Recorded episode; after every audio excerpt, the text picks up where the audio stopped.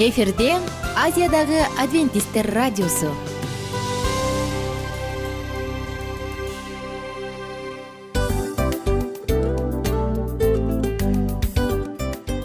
Достор салют. Баардык сүйүктүү угармандарыбызга салам айтабыз. Кутман күнүңүздөр менен. Ден соолук өмүрдүн булагы демекчи саламат саамы программасында баарыңыздарды көргөнүбүзгө абдан кубанычтабыз. Анда алгач амандашып өтөлү арбаңыздар деп. Ден соолугуңуздар кандай элибизде көбүнчө ден соолук кандай дегенде эле жакшы деп жооп беребиз э? ооруп турсак дагы жакшы дейбиз. Анан мен муну айтып ойлойт элем бул абдан сонун сөз депчи анткени бул жакшы деген үмүт да ооба баары жакшы болот. Баары сонун. Деп үмүттөнүп атып эле өзүбүздү өзүбүз дарылап коебуз.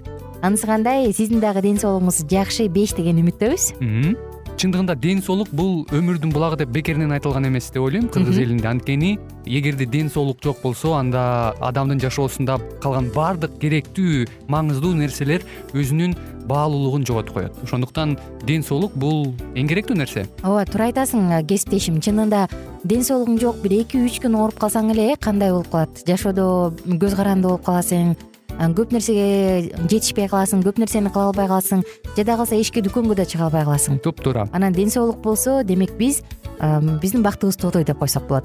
Анда достор саламат саамы рубрикабызды баштайлы. Алдыда өзүңүзгө керектүү болгон сонун кеңештерди уга аласыздар. Мына ошондуктан биз менен бирге болуңуздар. Ал эми биз болсо милан жана айнура. Кеттик алга. Алга саламат саама ден соолуктун жарчысы. Саламат саама ден соолуктун ачкычы. Күн сайын сиз үчүн мыкты кеңештер сонун жаңылыктар кызыктуу фактылар. Биздин рубрикада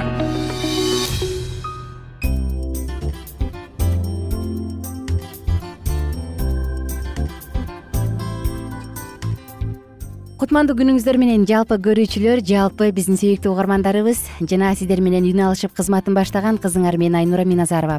Бүгүн дагы биз гепатит оорусуна дагы бир тема арнамакчыбыз жана конокторубуз бар.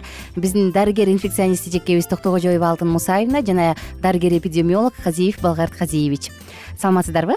Саламатсыздарбы. Биз бүгүн гепатит оорусу менен ооруп калган адам кимге кайрылышы керек алгач эле? Ушул жөнүндө сөз кылалы суроом алтын мусаевна сизге болсун. Эң жакшы суроо болду бул өтө көйгөйлүү маселе десек болот. Ар бир ооруган эле ушул шаардагылар түнү болобу күнү болобу инфекционный больницага барып эле ошол жерде ажиотаж кылып очередь кылып өзүлөрү эле жалгыз баласы менен барбай туугандары менен барып ушунчалык очередь кылып эметишет да. Врачтарды да бир жагынан көп э, жумуштар э, болуп калат. Э, бири биринен кийин бири очередьде иштейт ошон үчүн ар бир эле жаранга айтып кетет элем. Кайсы гана оору болбосун кандай гана белгилери болбосун ошо эң биринчи үй бүлөлүк медицина борборуна өзүнүн врачына кайрылса үй бүлөлүк жакшы болот эле кээде болот мындай кечке чейин жакшы болуп эле түн ичинде аябай катуу кыркка чейин температура болот же болбосо башында мурун ооруганда судороги берген балдар болот ошондой же алсыз ушундай бат бат ооруган балдар болсо ошол кезде гана скорый чакырып анан инфекционный больницага же үчүнчү больницага барса болот. Ал эми калган убактарда ушу э, өзүнүн эле семейный врачына барса аябай жакшы болот эле. Эмне себеби дегенде баардык эле оорулар боюнча өзүлөрү билишет баягы айырмалай билип диагноз коюшуп эгерде ошо жугуштуу оорулар боло турган болсо консультацияга инфекционистке жиберип ушундай кылышат дагы. Андан дагы сырткары э, алтынчы дем күнү э, сөзсүз түрдө ушу биздин деле сегизинчи э, үй бүлөлүк медицина борборунда дежурный врачтар болот да. Ошо дежурный врачтар өзүлөрү келгендерге эч качан отказ кылбай биринчи помощту жардам беришет да эң эле биринчи ушундай гепатит оорусунун симптомдору байкала баштаганда доктурга баргандан кийин кандай анализдерди тапшыруу керек? Негизи ушундай боордун абалын толук көргөзүп берген кайсы аппаратка түшүш керек? Эң биринчи бул боордукунда жана симптомдору болуп же болбосо ошо белгиси окшошсо сөзсүз түрдө э, печеночный тесты деп коет. Кан венадан кан алынат дагы. Ошо алтс ты саргарганда общий билирубин деген ушул печеночный тестин тапшырыш керек. Себеби дегенде боордун ичиндеги клеткалар өзү баягы бала оорубай турганда аман эле турса ошо клетканын анын жанында да клеткалар болот да ошол өзү нормада ушу ферменттер канда кырк единицага чейин эле болот да. Ал нормасы бул. боор баягы залака алгандан кийин ушул клеткалардын стенкалары өлө баштайт дагы баягы трансаминаздар канга көп чыгып кетет канчалык көп чыгып э, кырк единицадан көп болсо э, миңге жетет миңден ашат э, эки миң үч миңден ашып кетет да единица на литр деп коет. Канчалык көп болсо ошончолук боор аябай катуу залакат алып клеткалар өлүп атат деп ушундан билинет дагы.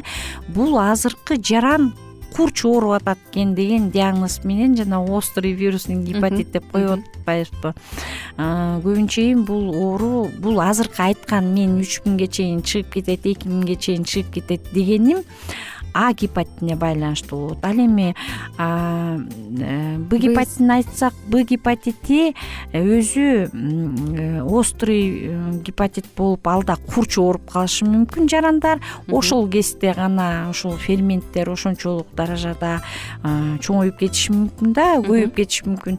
Ал эми хронический убакта андай көбөйбөйт аз аздан эле өлөт бүгүн печень боордун бир жери өлсө эртең бир жери бүрсүгүнүн бир жери ушундай ушундай кичинен өлүп туруп анан фиброз болуп анан цирроз болуп айланып кеткени ошондон келип чыгат да. Эгерде оорулуу адам анализин билгенде эми кудайдын колундамын да деген сыяктуу тобокелчиликке салып коюп жүрө берсе кандай анын өкүнүчтүү кандай аягы өкүнүчтүү болобу кандай болот?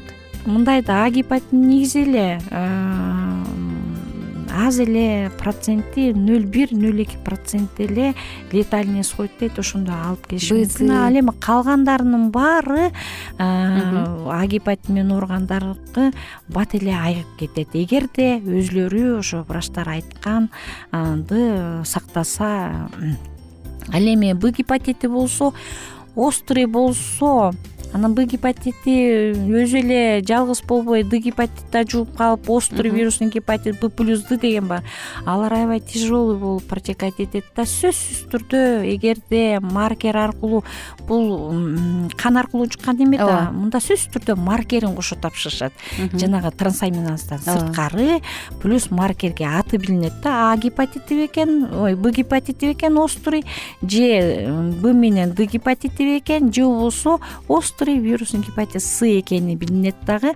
Ушуну менен бирге эле баардык эле гепатиттерде включая а гепатитин дагы трансаминаздар ошо аябай көтөрүлүп кеткенине байланыштуу муну курч оору азыркы кезде острый болуп протекать этип атат дегенге алып келет. Б с д түрлөрүн эгерде дарыланбай же оорулуу билбей жүрө берип өткөрүп ал рак оорусуна циррозго алып келиши мүмкүнбү мындай да жанагы острый гепатит деген бара бара баягы больницадан трансаминаздар нормальный болуп чыгып кеткендер көп эле болот да. Кээ кездери ошол жерден эле кома деп коет сознаниясын жоготсо анда кайра өзүнө келбей калат жана массивный трансаминаздар өлүп кетсе ошончолук боор эзилип кетсе кайра өзүнө келбей калат да бул таандык острый вирусный гепатит б с дга ал эми хронический ошолор эле чыккандан кийин же болбосо баягы жуктуруп алгандан кийин билинбей жүрүп эле профилактикалык осмотрдо гана билинип калса же болбосо билинбей жүрүп эле циррозго өтүп кетиши мүмкүн. Эгерде обследоваться этпесе ага чейин бул өкүнүчтүүсү жана рак печеньге алып келет жана дагы циррозго алып келет да алар дарылаш өтө кыйын кийин анан алар эгерде жаш болсо дагы өзүнүн өмүрүн сактап калганда трансплантация кылыш керек болот да. Ал только алматыда бар за границаларда бар да. Ошол жагы өтө кооптуу ошон үчүн убагында жанагы өзүн өзү жок дегенде бир жылда бир жолу обследоваться этип турса эң жакшы болот эле узиге түшүп деп айткым келет жакшы достор биз сиздер менен коштошуу учурга келип калдык. Убактыбыздын соңуна келдик. Кайрадан амандашканча сак саламатта туруңуздар. Ар бир адамдын ден соолугу өзүнүн колунда ошондуктан өзүңүздүн ден соолугуңуз үчүн кам көрүңүз эч качан оорубаңыз ооруканаларга эмес барсаңыз да төрөтканага эле барыңыз кайрадан амандашканча. Саламат саама ден соолуктун жарчысы. Саламат саама ден соолуктун ачкычы. Күн сайын сиз үчүн мыкты кеңештер сонун жаңылыктар кызыктуу фактылар. Биздин рубрикада салют замандаштар баарыңыздарга ысык салам. Дил маек программабызга кош келиңиздер. Дил маек рубрикасы дегенде эле бул эмне болгон дил маек? Ким менен маектешебиз деп сурайт болуш керек угармандарыбыз бул рубриканы кыскача тааныштыра кете турган болсок ар тарап кесип ээлеринен болгон сонун интервью кеңештер бар. Ооба. Жылдыздар менен болгон маек бар. Аталарыбыздын агаларыбыздын чоң аталарыбыздан сонун кеңештер бар. Ошондой эле эже сиңдилердин кеңештери бар айтор. Баардык кызыктардын баары алдыда. Негизи эле адам баласы бир кимдир бирөөнө ишенип сырын ачкысы келет эмеспи э мындай баарлашууга жакын келебиз го. Албетте.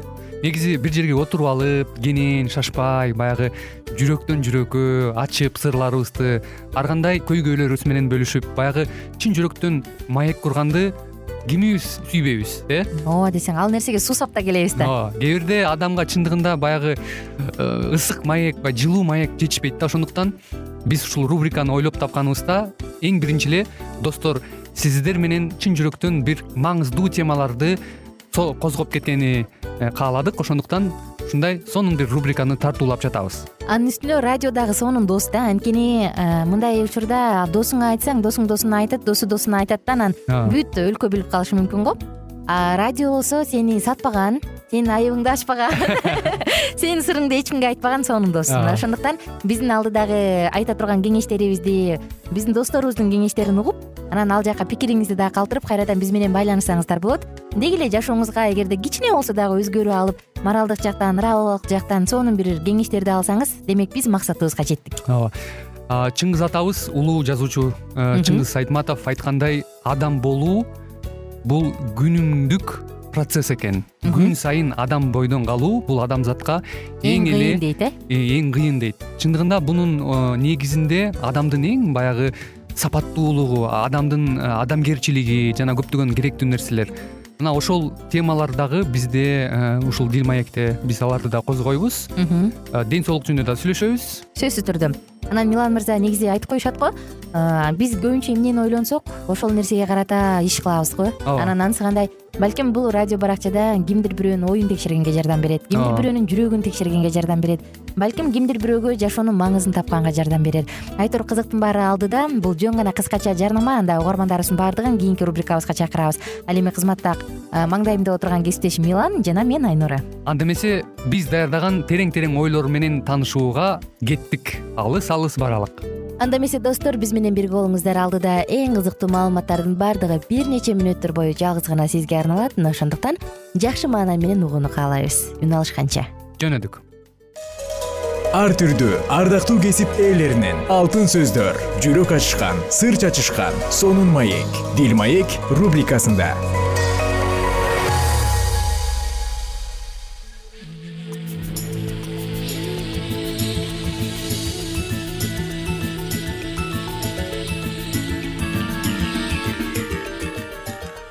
саламатсыздарбы кымбаттуу радио угуучуларыбыз кайрадан эле сиздердин назарыңыздарда бактылуу никенин баалуу эрежелери аттуу берүүбүздө кездешип жатканыбызга өтө кубанычтабыз. Бүгүнкү программабыздын чыгарылышында ардактуу радио угармандарыбыз биз үй бүлө жаатына багытталган темабызды кайрадан эле улантмакчыбыз. Тактап айтканда үй бүлөлүк э, жаатта бала тарбиялоодо деги эле көз караштардын туруксуздугу орун алган учурларда биз эмне кылышыбыз керек? Ушул туурасында бир нече кеңештерибиз менен бүгүнкү программабыздын чыгарылышында сөз кылабыз. Анда эмесе сиздер биздин ободон алыстабай биз менен биргеликте болуңуз. Микрофондо кайрадан эле кызматыңыздарда аты жөнүм улан кубанычбеков жана ошондой эле менин кесиптешим. Саламатсыңарбы жана мен асель мамбетова. Жылдар бою бала тарбиялоого карата болгон көз караштар өзгөрүп келген. Бир мугалим бала тарбиялоо ыкмалары дайыма өзгөрүп турат. Бул коомдогу өзгөрүүнүн таасири деп жазган. Андыктан көп китептерде айтылгандай ата энелердин оңой эле ар кандай окуулардын шамалына айдалып толкун сыяктуу ары бери чайпалып жатканы таң калыштуу эмес. Андай жумшак тарбиянын кесепеттүү болгону айдан ачык.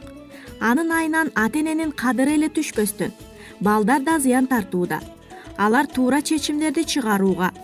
Жана жашоодо өзгөрүп чындап ишенимдүү сезүүгө жардам берген акыл насааттан кур калууда ал эми кадырман радио угармандарыбыз сиздерде мындай деген дагы ой жаралышы мүмкүн. Анда бала тарбиялоонун туура жолу барбы? Балдарыбызга туура эмес тарбия берип жаткан жокпузбу? Бул туурасында өзүңөрдү төмөнкү жагдайларга коюп көрсөңөр да болот. Анда эмесе кымбаттуу угарман бул нерсеге дагы кулак салыңыз. Мектептен кийин жана эс алуу күндөрү. Балдар менен кызыңарды бир нерсе менен алек болушу үчүн улам бир ийримге. Мисалы муз тебүүгө андан кийин фортепианога анда чыгып футболго жетелеп жүрүп аябай чарчайсыңар. Бирок өзүңөрдү эң негизгиси балдарым алар үчүн жашай турганымды алар үчүн баарына даяр экенимди билишсе болду. Жакшы эне так ушундай болушу керек деп өзүңөрдү сооротосуңар. Анда эмесе минтип ойлонуп көрсөңөр болот алардын көңүлүн ачыш үчүн. Баарына даяр экениңерди билген балдарыңарда кандай көз караш калыптанат? Алар убакыттын өтүшү менен чоңдордун анын ичинде ата энелердин эң негизги милдети алардын муктаждыктарын канааттандыруу деп ойлоп калбайбы. Ал эми туура тарбия. Балдарыңар силердин да муктаждыктарыңар бар экенин билгидей болсун. Ошондо алар башкаларды да анын ичинде силерди да ойлонгонду үйрөнүшөт атаңар катаал киши болгондуктан. Жана учурда силерди көп сындагандыктан. Балдарыңарга такыр башкача мамиле кылууну чечип алгансыңар дейли. Ошондуктан эки уулуңарды жарыткан эч нерсе кылбаса деле мүмкүнчүлүк болгон сайын мактай бересиңер. Анткени балдарымдын өзүн ишенимдүү сезгени абдан маанилүү. Эгер алар өзгөчө экенин билишсе өздөрүн ишенимдүү сезип жашоодо ийгиликке жетет деп ойлойсуңар мисалга айтсак балдарыңарды өздөрүн жакшы сезиш үчүн эле курулай мактай бере турган болсоңор. Эмнеге үйрөткөн болосуңар? Бул туурасында дагы ойлонуп көрүңүз. Адатта бул жаатта өзүн өзүн сыйлоо сезимине өтө эле басым жасай бере турган болсоңор азыр да кийин да кесепетин тартып калбайбы? Бул жаатта дагы ойлонгонуңуз абдан маанилүү ошондой эле кымбаттуу ата эне туура тарбия туурасында дагы айтып өтсөк. Балдарыбызга туура тарбия берүү жаатында ар бир ата эне тең салмактуулукту кармай билгени абдан маанилүү экен. Балдарыңарга өтө катуу талап койбогула. Ошол эле учурда мактаганыңар дагы аш өпкө болбосун. Демек бул нерсени эске алуу менен биргеликте тең салмактуулукту сактай турган болсоңуз сиз туура кадамга барган болосуз. Келиңиздер ардактуу радио угурмандарыбыз анда эмесе биз бала тарбиялоо жаатында үч принципти карап өтөлү. Ошондой эле бала тарбиялоо жаатында үч нерсени байкоого болот экен биринчиси албетте сүйүү менен. Экинчиси акыл эстүүлүк менен. Үчүнчүдөн койгон талабына бек карманган. Ата эне ушулардан үлгү алса балдардын ата энелерине баш ийүүсү жеңилирээк болот. Мындан сырткары дагы ата эненин балдарга карата болгон сүйүүсү туурасында дагы айтып кетели. Ата эненин тарбиясы сүйүүгө негизделет. Жана ал кимдир бирөөнү сүйгөндүктөн тарбиялайт. Атасы жакшы көргөн уулун оңдоп түзөгөндөй эле ата кимди жакшы көрсө ошону оңдоп түзөйт. Ошондой эле кайрымдуу ырайымдуу. Ачууланганга шашпайт андыктан ал эч качан катаалдык же таш боордук менен мамиле кылбайт. Андан сырткары эч убакта кылычтай жаралай турган жүрөк оорутарлык сөздөрдү какшык сөздөрдү колдонбойт жана сындай бербейт. Ошондой эле угуу туурасында дагы айтып өтөлү.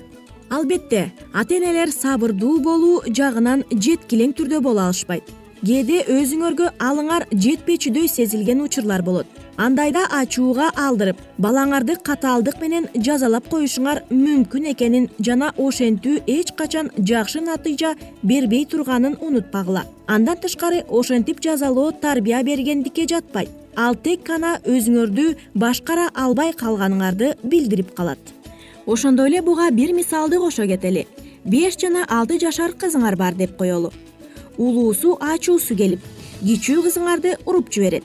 Эмне кылыш керектигин ойлоп жатып кызыма катуу айтпай эле жай отуруп сүйлөшөйүн.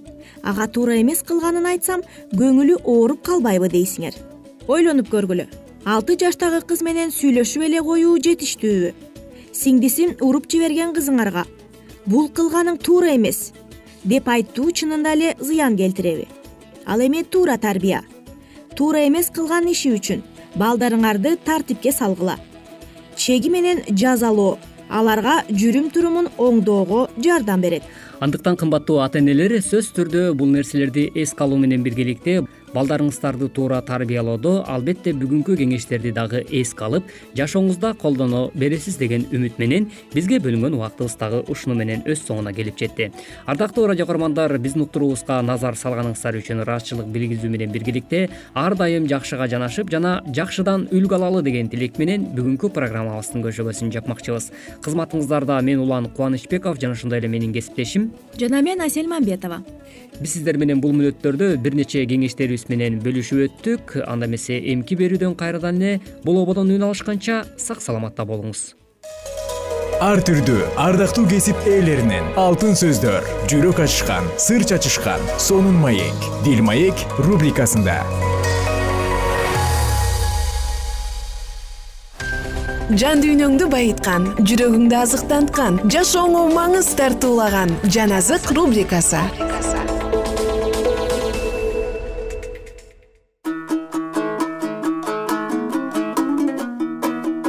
саламатсыздарбы достор саламатсыздарбы? Ардактуу угармандар жалпы биздин угармандарыбыз менен амандашып жан азык саатында забур китебибизди окууну улантабыз. Бүгүнкү күнүңүз сонун маанайда өтсүн жана сонун маанайда өтүп жатат деп ишенем.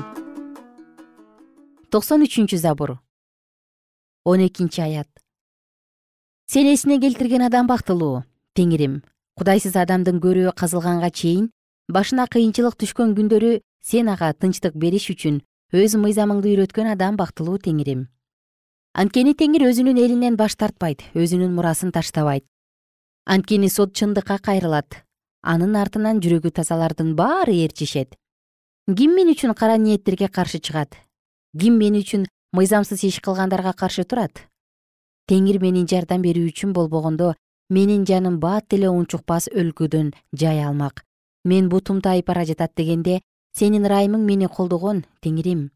Менин жүрөгүмдө кайгы көбөйгөндө сенин сооротуларың жанымды жыргатат. Кыйратуучулардын тактысында олтуруп мыйзамды кыянаттык менен пайдалангандар сени менен шериктеш боло алышабы? Алар топ топ болуп адил адамды өлтүрүүгө жулунушат жана күнөөсүз канды күнөөлөшөт. Бирок теңир менин тирегим кудайым менин баш калкалар асказоом теңир алардын мыйзамсыздыгын өздөрүнүн баштарына салат өздөрүнүн кылмышы менен өздөрүн өлтүрөт. Аларды биздин кудай теңирибиз кырып жок кылат. Токсон төртүнчү забур мактоо ыры келгиле теңирди мактап ырдайбыз биздин куткаруучу тирегибизди кубануу менен мактайбыз. Анын алдына даңктуу сөздөр менен келели. Аны ыр менен даңктайлы. Анткени теңир улуу кудай жана бардык кудайлардын үстүнөн улуу падыша. Деңиз да аныкы деңизди ал жараткан кургактыкты да анын колдору жараткан. Келгиле жаратуучубузга теңирибизге табыналы таазим кылалы анын алдында тизе бүгөлү. Анткени ал биздин кудайыбыз биз анын жайынтындагы элбиз анын колу менен жаратылган койлорбуз. О силер анын үнүн азыр уксаңар гана.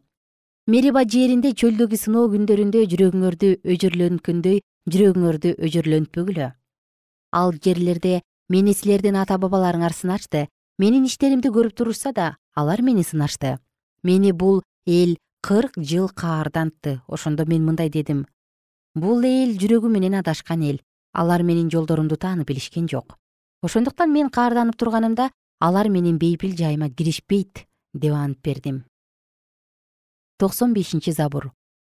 Теңирди жаңы ыр менен даңктагыла бүт жер жүзү теңирди мактап ырдагыла теңирге ырдагыла анын ысымын даңктагыла анын куткаруусун күн сайын жарыялагыла. Элдер арасында анын даңкын жарыя кылгыла бардык уруулар арасында анын кереметтерин даңаза кылгыла.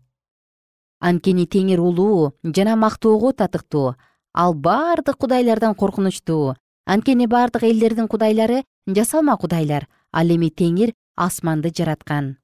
Даңк менен улуулук анын алдында күч жана ыйыктык анын ыйык жайында. Бүт элдер теңирге өзүнө тиешелүүсүн бергиле теңирди даңктагыла жана урматтагыла теңирди даңктагыла анын ысымын даңазалагыла тартууларды алып келгиле анын короосуна киргиле. Теңирге өзүнүн ыйык жайында табынгыла бүт жер жүзү анын алдында титире. Бүт элдерге мындай деп айткыла теңир падышачылык кылып жатат ошондуктан аалам бекем солк этпейт. Ал элдерди адилет соттойт асман кубансын жер шаттансын деңиз шарпылдасын анын ичиндегилер кубансын. Талаа да талаадагы бардык нерселер да кубансын токойдогу бардык дарактар сүйүнсүн. Бардыгы теңирдин алдында кубанышсын анткени ал келе жатат анткени ал жерди соттош үчүн келе жатат. Ал ааламды адилеттик менен соттойт элдерди өз акыйкаттыгы менен соттойт. Токсон алтынчы забур теңир падышачылык кылып жатат. Жер кубансын сансыз аралдар шаттансын. Анын тегереги булут жана караңгылык анын тыктысынын негизи адилеттик жана акыйкаттык. Анын алдында от бара жатат. Ал анын тегерегиндеги душмандардын куйкалап жатат. Анын чагылгандары ааламды жарык кылат. Муну көрүп жер титирейт. Тоолор бүт жер жүзүнүн теңиринин жүзүнөн моом сыяктуу ирип жатат. Асман анын чындыгын жарыя кылып жатат бардык элдер анын даңкын көрүп жатышат. Таш буркандарга кызмат кылгандар жана жасалма кудай менен мактангандар уятка калышсын. Бардык кудайлар анын алдына жыгылгыла. Сион тоосу угуп кубанып жатат. Теңир сенин адилет сотуң үчүн жүйүт кыздары кубанып жатышат. Анткени сен теңир бүт жер жүзүнөн жогору турасың. Сен бардык кудайлардан жогорусуң. Теңирди сүйгөндөр жамандыкты жек көргүлө ал өзүнүн ыйыктарынын жанын сактайт аларды кудайсыздардын колунан куткарат. Адил адамга жарык тиет жүрөгү тазаларга шаттык келет адил адамдар теңирди ойлоп кубангыла анын ыйыктыгын эстеп даңктагыла токсон жетинчи забур. Забур. Теңирге жаңы ыр ырдагыла анткени ал укмуштарды жаратты ага өзүнүн оң колу жана ыйык билеги жеңиш алып берди. Теңир өзүнүн куткаруу ишин көрсөттү. Элдердин көз алдында өзүнүн чындыгын ачты. Ал өзүнүн ысрайылга болгон ырайымын жана ишенимдүүлүгүн эстеди. Бүт жер жүзү биздин кудайыбыздын куткаруу ишин көрдү. Бүт жер жүзү теңирди кубаныч менен даңкта шаттан ырда. Теңирге гуслинин коштоосунда ырдагыла теңирди гусли менен забур менен мактагыла. Сурнай менен мүйүздүн коштоосунда падыша теңирдин алдында кубангыла. Деңиз шарпылдасын анда жашагандар шаттанышсын аалам да анда жашагандар да кубанышсын. Дарыялар да кол чабышсын тоолор да чогуу шаттанышсын. Бардыгы теңирдин алдында кубанышсын.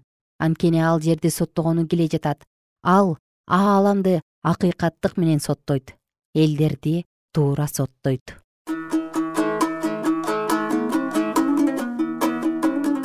кымбаттуу угармандар жалпы замандаштарыбыз сиздер менен бүгүн дагы забур китебинен бир нече забур китептерин окуп өттүк. Кийинки уктуруубузда кайрадан саатыбызды бирге улантканча сак саламатта туруңуздар. Күнүңүздөр көңүлдүү болсун маанайыңызды эч нерсе жана эч качан жүгүрбөсүн бар болуңуздар аман болуңуздар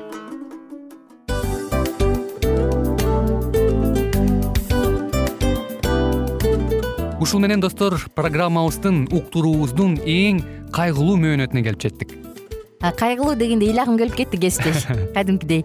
Анткени баягы учурашасың анан коштошуу учур келгенде ии кантип ии эми бат баттан келиптир э сагындырбай деп атып араң коштошобуз го. Анысы кандай угармандарыбыз менен коштошчу учур келди кийинки уктурууларды сагыныч менен жүрөгүбүздө кусалык менен күтөбүз жалпыңыздарды анан жарым сааттык уктуруу көз ачыш умканча өтүп кетти.